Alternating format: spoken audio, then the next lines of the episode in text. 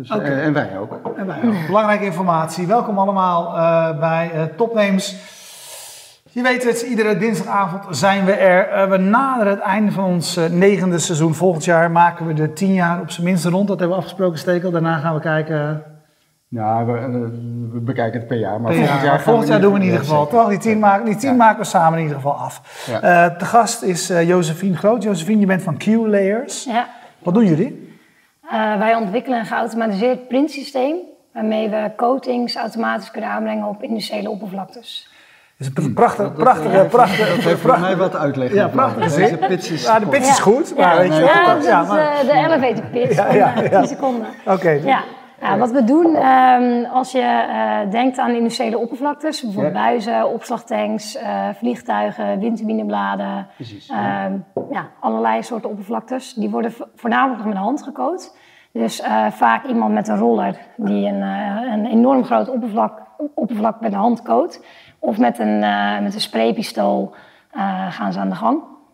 En dat heeft enorm veel tekortkomingen. Uh, het is ook niet veilig en het zorgt er vaak voor dat de verf alle kanten op vliegt. Als je bijvoorbeeld een, uh, een spraypistool gebruikt, uh, dan kan het zorgen voor 50% verfverlies. Omdat je sprayt, nou, misschien heb je het wel eens gedaan, maar het vliegt echt alle kanten op. wat wij hebben ontwikkeld is eigenlijk een geautomatiseerd printsysteem. Een, een, ja, een, een spraykop, een printkop, hoe je het ook noemt. waarmee we coatings, dus eigenlijk gewoon verf uh, automatisch kunnen aanbrengen op oppervlaktes zonder overspray. En overspray is eigenlijk het fenomeen dat de verf alle kanten op vliegt. Ja. Dus met onze technologie kun, kunnen we de laagdikte heel goed controleren. Ja, ik kan me ook voorstellen dat het veel nauwkeuriger qua laagdikte en gelijkmatiger. Ja, uh, precies. Ik Gelijkmatig. Ben ik ben eigenlijk uh, vooral verrast dat dat niet. Nee, ik ook. Standard ik ook. operating procedure. Ja, nee, dat vind ik ook. Uh, dus even, even, even, serieus, een vliegtuig wordt nog steeds... Ja, voornamelijk wel. Dus een, een, vleugeldeel dat wordt met de hand, met een roller of, ja, met, of met een, uh, met spray, een systeem. Ja. ja. Vaak wel met een spray systeem als het binnen wordt gedaan en als ze dan buiten moeten komen. Ik was laatst bij, bij VDL, de, de, bij een lichtmastenafdeling van hen. Daar worden die, die grote masten worden inderdaad in een soort spuitkamer luchtdicht, ja, stofvrij, ja. Uh, met zo'n sprayapparaat ja. ingespoten. Dat is wat jij precies. Ja, en hoe ziet dat dan bij jullie eruit?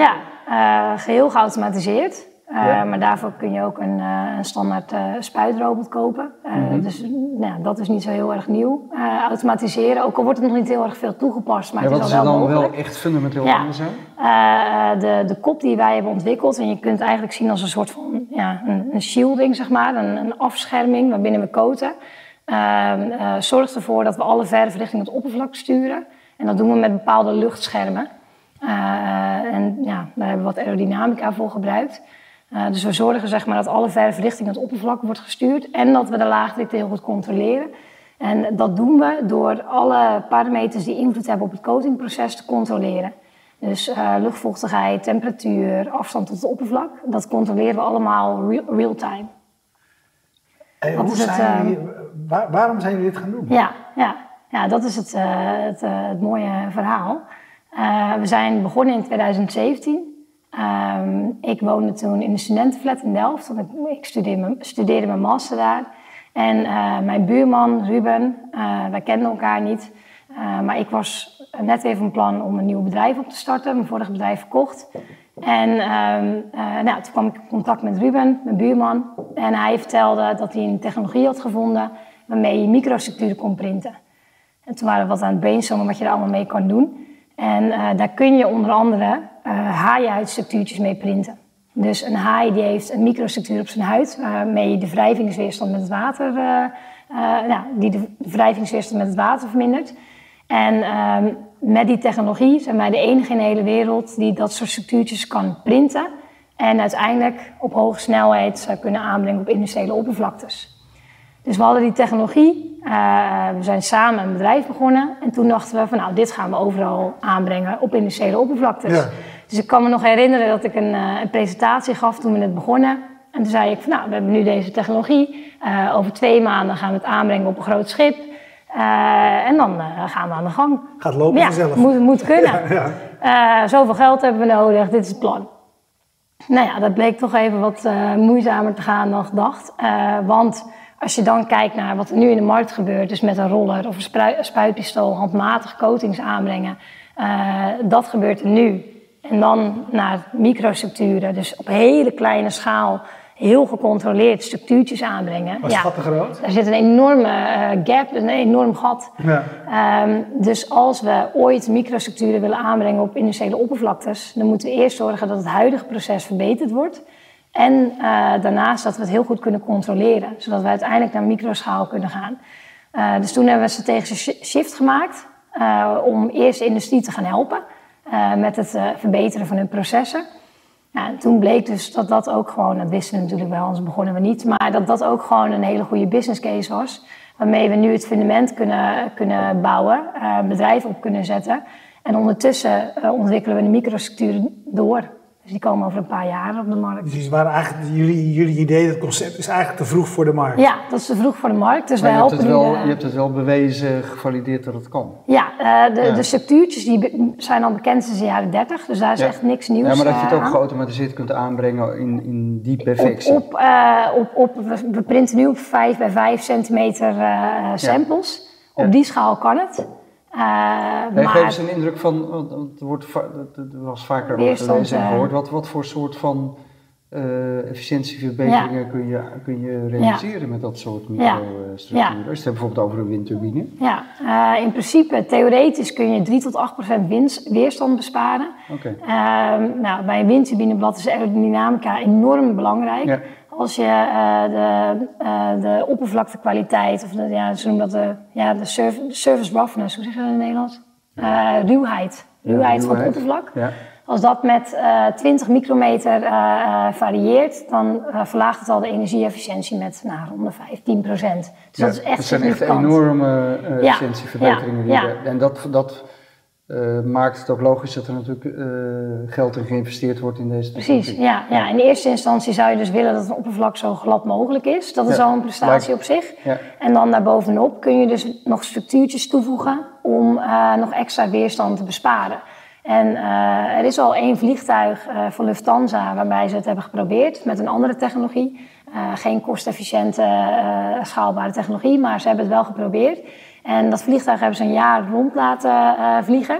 En daar hebben ze gezien dat het meer dan 1% brandstof eh, bespaart.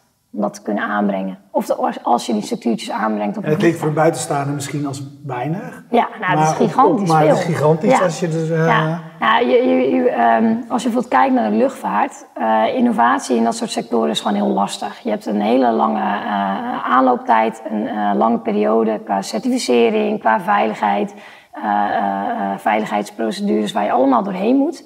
Dus voordat je iets aanbrengt of eh, kan doen in eh, nou, bijvoorbeeld de luchtvaart, maar ook de, de scheepsvaart of eh, eh, de windturbine-industrie, eh, moet je echt heel veel valideren.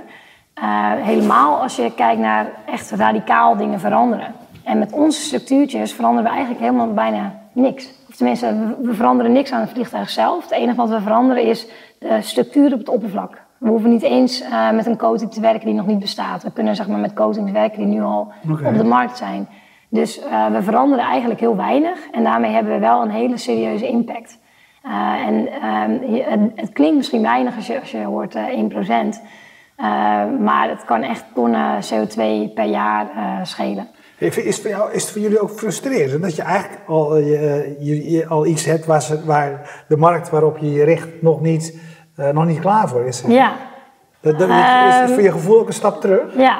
Ehm, ja, ik ben eh, van nature best wel ongeduldig. Dus natuurlijk vind ik dat vervelend. Ja. Eh, wat mij betreft eh, hadden we morgen, beginnen we morgen al met het aanbrengen van HI-structuren op schepen, vliegtuigen en windturbinebladen.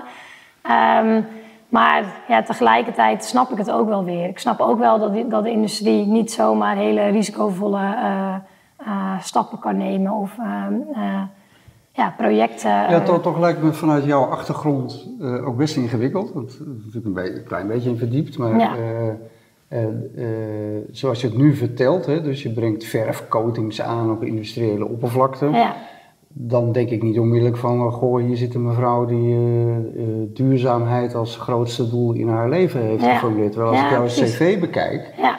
eh, is dat absoluut een rode draad volgens mij door alles wat je hebt gedaan. Ja, dat klopt. Eh, weet je, eh, ja, Ehm, misschien wel leuk om straks nog even een paar dingen daar uit te pikken. Want uh, van die Yoga Chicks was een bedrijf wat je net noemde, wat je verkocht hebt. Hè? Ja, Daar maakte je volgens mij leggings van gerecyclede petflesjes. Of, om het even een beetje te duiden waar jouw waar mijn interesse ligt. Ja. En nu zeg je eigenlijk, ja, ik heb een bedrijf en wij, wij uh, kunnen efficiënter verf spuiten op industriële oppervlakte. Ja, klopt. Ja.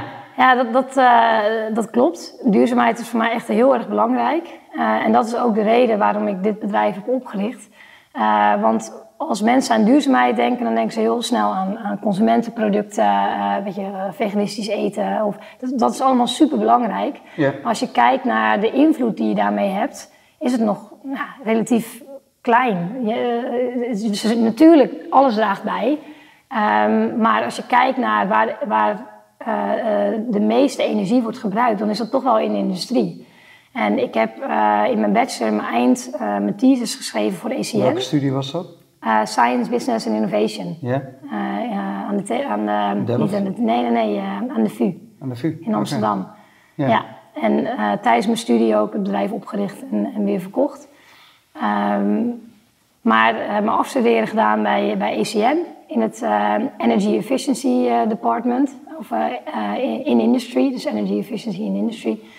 En um, uh, daar zag ik dus um, hoe belangrijk energie-efficiëntie is. Dus je kunt wel nieuwe zonnepanelen installeren of nieuwe windturbines installeren. Maar als je kijkt naar de totale lifecycle analysis, installeer je nog steeds nieuwe structuren. Je gebruikt nog steeds materiaal. Uh, dus wat we eigenlijk moeten doen, is gewoon kijken naar wat, alles wat we al doen en dat efficiënter doen en beter. Um, dus met wat wij doen. Denk maar vind, vind, je het dan lastig dat je nu eigenlijk uh, je moet, dat je nu een bedrijf hebt wat zich eigenlijk alleen maar richt op het efficiënter, sneller en van, goedkoper ja. maken van het ja. spuiten van verf op uh, rotorbladen en vliegtuigvleugels? Ja. Nou ja, als ik dat dan zo lees, gaat het jou om die microvezel? Precies. Of die structuren? Ja, maar zonder het huidige systeem zullen we nooit microstructuren kunnen aanbrengen op industriële oppervlaktes. Dus die stap is echt nodig om uiteindelijk dat te kunnen gaan doen. Dus uh, het is een essentiële stap. Zonder gecontroleerde omgeving kunnen we nooit microstructuren doen.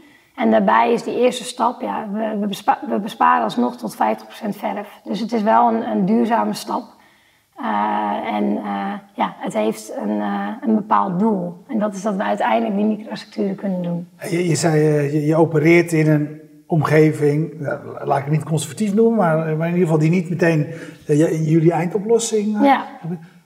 wat houdt dat voor jullie in? Is voor jullie echt bedrijf na bedrijf bezoeken, is dat een belangrijk onderdeel om jullie jullie ideeën, jullie producten verkopen? Nou, dat eigenlijk uh, helemaal niet. Nee? Uh, we doen, uh, als je ook kijkt naar het team wat we hebben, dat zijn eigenlijk allemaal ingenieurs. Dus we zijn echt fulltime bezig met technologieontwikkeling. De enige die op dit moment wat anders doet in het bedrijf, behalve onze marketing en communications stagiair en vanaf morgen onze office manager. Dat is heel fijn dat we die krijgen. maar de enige die verder wat, wat anders doet dan technologie, puur technologieontwikkeling, dat ben ik. Uh, dus wij hebben geen, ik heb geen tijd om enorm veel bedrijven af te gaan. En dat is in deze fase ook nog niet heel erg belangrijk. Wat ik juist merk is dat we uh, gewoon moeten zorgen dat we iets hebben wat klaar is. En dan komen die partijen vanzelf wel. Want wat, wat, ik merk is dat uh, elke industrie die we benaderen sowieso geïnteresseerd is in ons product. Ja. en de eerste segmenten die we dan ingaan, we gaan buizen, opslagtanks en windturbinebladen koten. Dat zijn onze eerste segmenten ja, die hebben gewoon uh, concrete problemen die wij zouden kunnen oplossen. Uh, nou, problemen voor ons die wij, wij zien, die we kunnen, kunnen oplossen. Um, dus, uh, ja, en die markt moet ook, behalve heel conservatief, gigantisch zijn. Want, ja. ja, dat klopt. Probeer na te denken, maar elke lantaarnpaal is gekookt. elke, ja, en moet wel, auto, elke... Ja, het is een bizar grote markt. We, we, richten ons wel echt op grote oppervlaktes. Dus hoe groter, hoe beter. Uh, geen lantaarnpalen, zeg je? Nee, in eerste instantie niet. maar geen lantaarnpalen. Ja, vliegtuigen, windturbinebladen, schepen kan ook in de toekomst. Uh, dus echt grote industriële oppervlaktes. Uh, omdat we daar ook het verschil kunnen maken. En we zijn altijd afhankelijk van een robotarm of iets wat onze printkop beweegt langs een oppervlak. En als je voor een lantaarnpaal ehm, een speciaal actuatiesysteem, een robotsysteem moet maken, dan is het net een te grote investering. Misschien is ook elke lantaarnpaal weer anders bijvoorbeeld. Dus je wilt eigenlijk uh, zo makkelijk mogelijk grote oppervlaktes doen. Uh, Waar ik ook nog in, in, uh, geïnteresseerd in ben, een leuk idee hebben met een buurman in een studentenflat. Ja, is natuurlijk één ding. Ja. maar daar een bedrijf van bouwen met inmiddels, nou wat is het? 15. 15 ja. mensen. Ja. Op ook nog een onderwerp wat te maken heeft met industriële productie. Is Ja. enorm kapitaalintensief. Ja, Eh, klopt. Kun je de korte versie doen van hoe je van idee eh, eh, bent gekomen tot waar je nu ja. staat? Want je hebt het over heel veel geld wat geïnvesteerd moet klopt. worden. Je hebt het over kennis, Klopt. je hebt het over universiteit. Hoe, hoe werkt dat? Hoe pak je dat aan? Ehm, we hebben in principe ja, we hebben, we hebben veel te maken met de universiteit, omdat iedereen die bij ons komt werken Ja, bij de TU heeft gestudeerd. Of Ja. tenminste bijna allemaal, in ieder geval bij Ja. de Technische Universiteit. Maar verder hebben we alles zelf eh, gedaan. Ehm, in het begin heel veel subsidies. We hebben het bedrijf echt kunnen opzetten vanwege eh, of dankzij subsidies. Dus daar ben ik de, de overheid heel dankbaar eh, voor. En ik vind dat ook heel erg mooi, want ehm, met die, ja, die haai-uitstructuren zijn gewoon heel kapitaalintensief. We printen nu kleine samples en om van dat naar eh, een vliegtuig te gaan, dat is gewoon een enorme stap. Dus als je gelijk begint met het zoeken van investeerders, ja, dan ben je gelijk je hele bedrijf kwijt. Want je bent gewoon nog veel te, eh, eh, hangt veel te veel risico komt erbij kijken. Dus als je met behulp van subsidies je bedrijf naar een volgende fase kan brengen, ehm, ja, dan is je bedrijf gewoon weer veel meer waard. En dan kun je ook weer makkelijk investeringen ophalen. Dus in het begin heel veel subsidies, eh Ja, je ook in een accelerator gezeten, in Eh, Yes in Delft. Yes Delft, ja. Ja. ja. Die hebben geholpen. eh, Veel aan gehad? ja, ja, Ja? nog steeds. Morgen, morgenavond is het eh Meet the Startups event. En eh, daar mag ik ook pitchen. Eh, er komen allemaal corporates samen. Eh, ja, het is echt, jezelf is echt top. Kan Mhm. ik iedereen aanraden. Ik vind het echt een eh, mini eh, Silicon Valley hier. Zijn jullie wel eens geweest? of- Ja, ik ben dat geweest, ja. Ja. Ja, ja, ik vind het heel eh, cool daar. Maar goed, in het begin is heel veel subsidies. Ehm, toen ook heel veel prijzengeld. Nou, heel veel. Eh, een beetje bootstrapping. Ja. Eh, maar ja, dat weten jullie waarschijnlijk ook wel. Maar het is tegenwoordig helemaal eh, eh, populair om eh, als, de- als groot bedrijf iets met start-ups te doen. Dus ook Ja.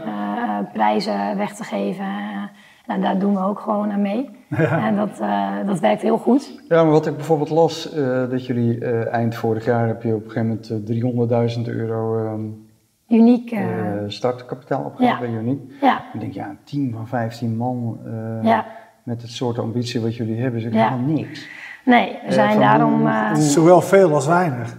Precies. Ja, nee, het ben je zo weer- eh, ja, dat klopt. Dus eh, ben je al zover dat je ook daadwerkelijk betalende, eh, ja. goed betalende klanten Ja. hebt? Kun je het zelf gaan genereren of ja. moet je De- zo meteen zijn- echte serieuze financiering in? De, allebei. Allebei. Allebei, ja. want, ik kan me voorstellen dat je, als je echt serieus dit wil opschalen, heb je het over mil- heb je- miljoenen. Ja, dat klopt. Dat klopt, ja. Dus ehm, eh, we zijn en bijna zover dat we de eerste buizen gaan koten eh, voor de eerste klant. Eh. Ja. Dat is ook een launching customer eh, waar we gewoon een goede relatie mee hebben. Eh, nee, nee. Oké. maar als we beginnen misschien wel. Dan eh, is het wat anders. Maar als je nog in de ontwikkeling bent, is het anders. Ehm, eh, en we zijn ook in gesprek met wi- grote windturbinefabrikanten die het R&D-traject willen vooruit betalen. Dus op die manier. ehm, en grote investeringsronden. Is dat, Die jou- is, dat we jouw, bela- is dit een belangrijke rol die, die jij vervult nu? Eh, Zitten al die ingenieurs eh, verder technisch te doen en, ben- en ben jij de boer op, aan, aan het opgaan? Ja, ja nou, dat inderdaad. eh, zorgen dat we, dat we gewoon genoeg kapitaal hebben om, om in ieder geval vooruit te kunnen, om te groeien. Dus daar hou ik me be- bezig. Ik ben ook veel bezig met operational management de laatste tijd. En ja, gewoon het, het algemene management Ja. van eh 15 man. En dat is voor mij ook bijna, moet ik zeggen. Ja. Wat, wat vind je, wat vind je, wat vind je wat, wat, eh, eh, ik vroeg het je eerder, hè, vlak voor de uitzending al eventjes, van eh, ja, je bent ook uit het niks een groot bedrijf aan het, eh, Ja. aan het bouwen. Eh, wat, is voor jou nu, wat is voor jou nu het leukste aan eh, dit, dit te doen? Ja, Ehm, dat- er, eh, dat we enorm veel kunnen met de technologie eh, eh, die we hebben ontwikkeld en nog gaan ontwikkelen. Eh, dat we echt, nou, we kunnen gewoon overal ter wereld eh, oppervlaktes gaan coaten. En daar kunnen we heel veel impact mee, eh, mee genereren. Dat vind ik het leukst. Dus het einddoel. En in het proces daar naartoe vind ik het heel leuk om uh, ja, een, uh, een, company culture te, te creëren. En uh, ik vind het heel leuk om dingen te organiseren, maar dan ook weer over de schutting te gooien. Ja, dus je bent niet van de executie, wel van bedenken, maar niet van ja, ik ben wel proces. Van de, ik ben wel van de executie, maar of ik het nou per se... Ik ben wel van de, van de korte executie. Maar niet van het proces? Proces ook wel eigenlijk. Maar, uh, dus je hebt laten zien dat het werkt, dan moet eigenlijk iemand anders het overnemen. Ja, ik vind, ik vind het leuk om, om iets te bedenken op abstract niveau. En te managen op abstract niveau. En als het specifiek wordt, uh, dan wil ik het liever aan iemand anders overlaten. Dat is mijn, uh, wat ik het leukste vind. Maar Johan Schaap die vraagt via Twitter, hoe werkt jullie model? Doen jullie alles zelf? Verkoop je de technologie of licentie? Of hoe, hoe werkt ja. jullie model? Ja, ons businessmodel. Uh, we gaan de aankomende jaren licentiëren, uh, maar dan niet alleen het patent of de technologie, maar het totaal product, inclusief reparaties en totale maintenance. en dat doen we omdat we dan heel dicht op de klant zitten en een duidelijke feedback loop hebben, want ons product gaat niet direct totaal robuust zijn.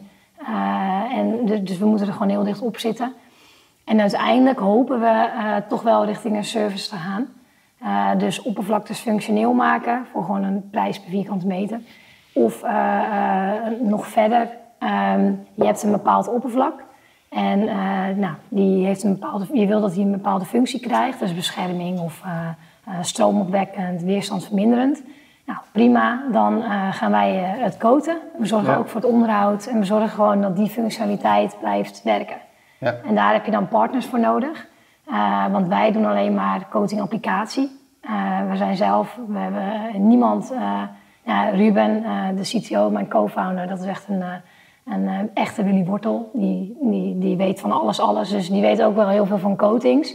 Maar we hebben geen echte chemical engineer of scheikundige binnen het team. Dus coatingkennis, dat outsourcen. En we zijn nu bezig met het opzetten van een partnership met Axonobel.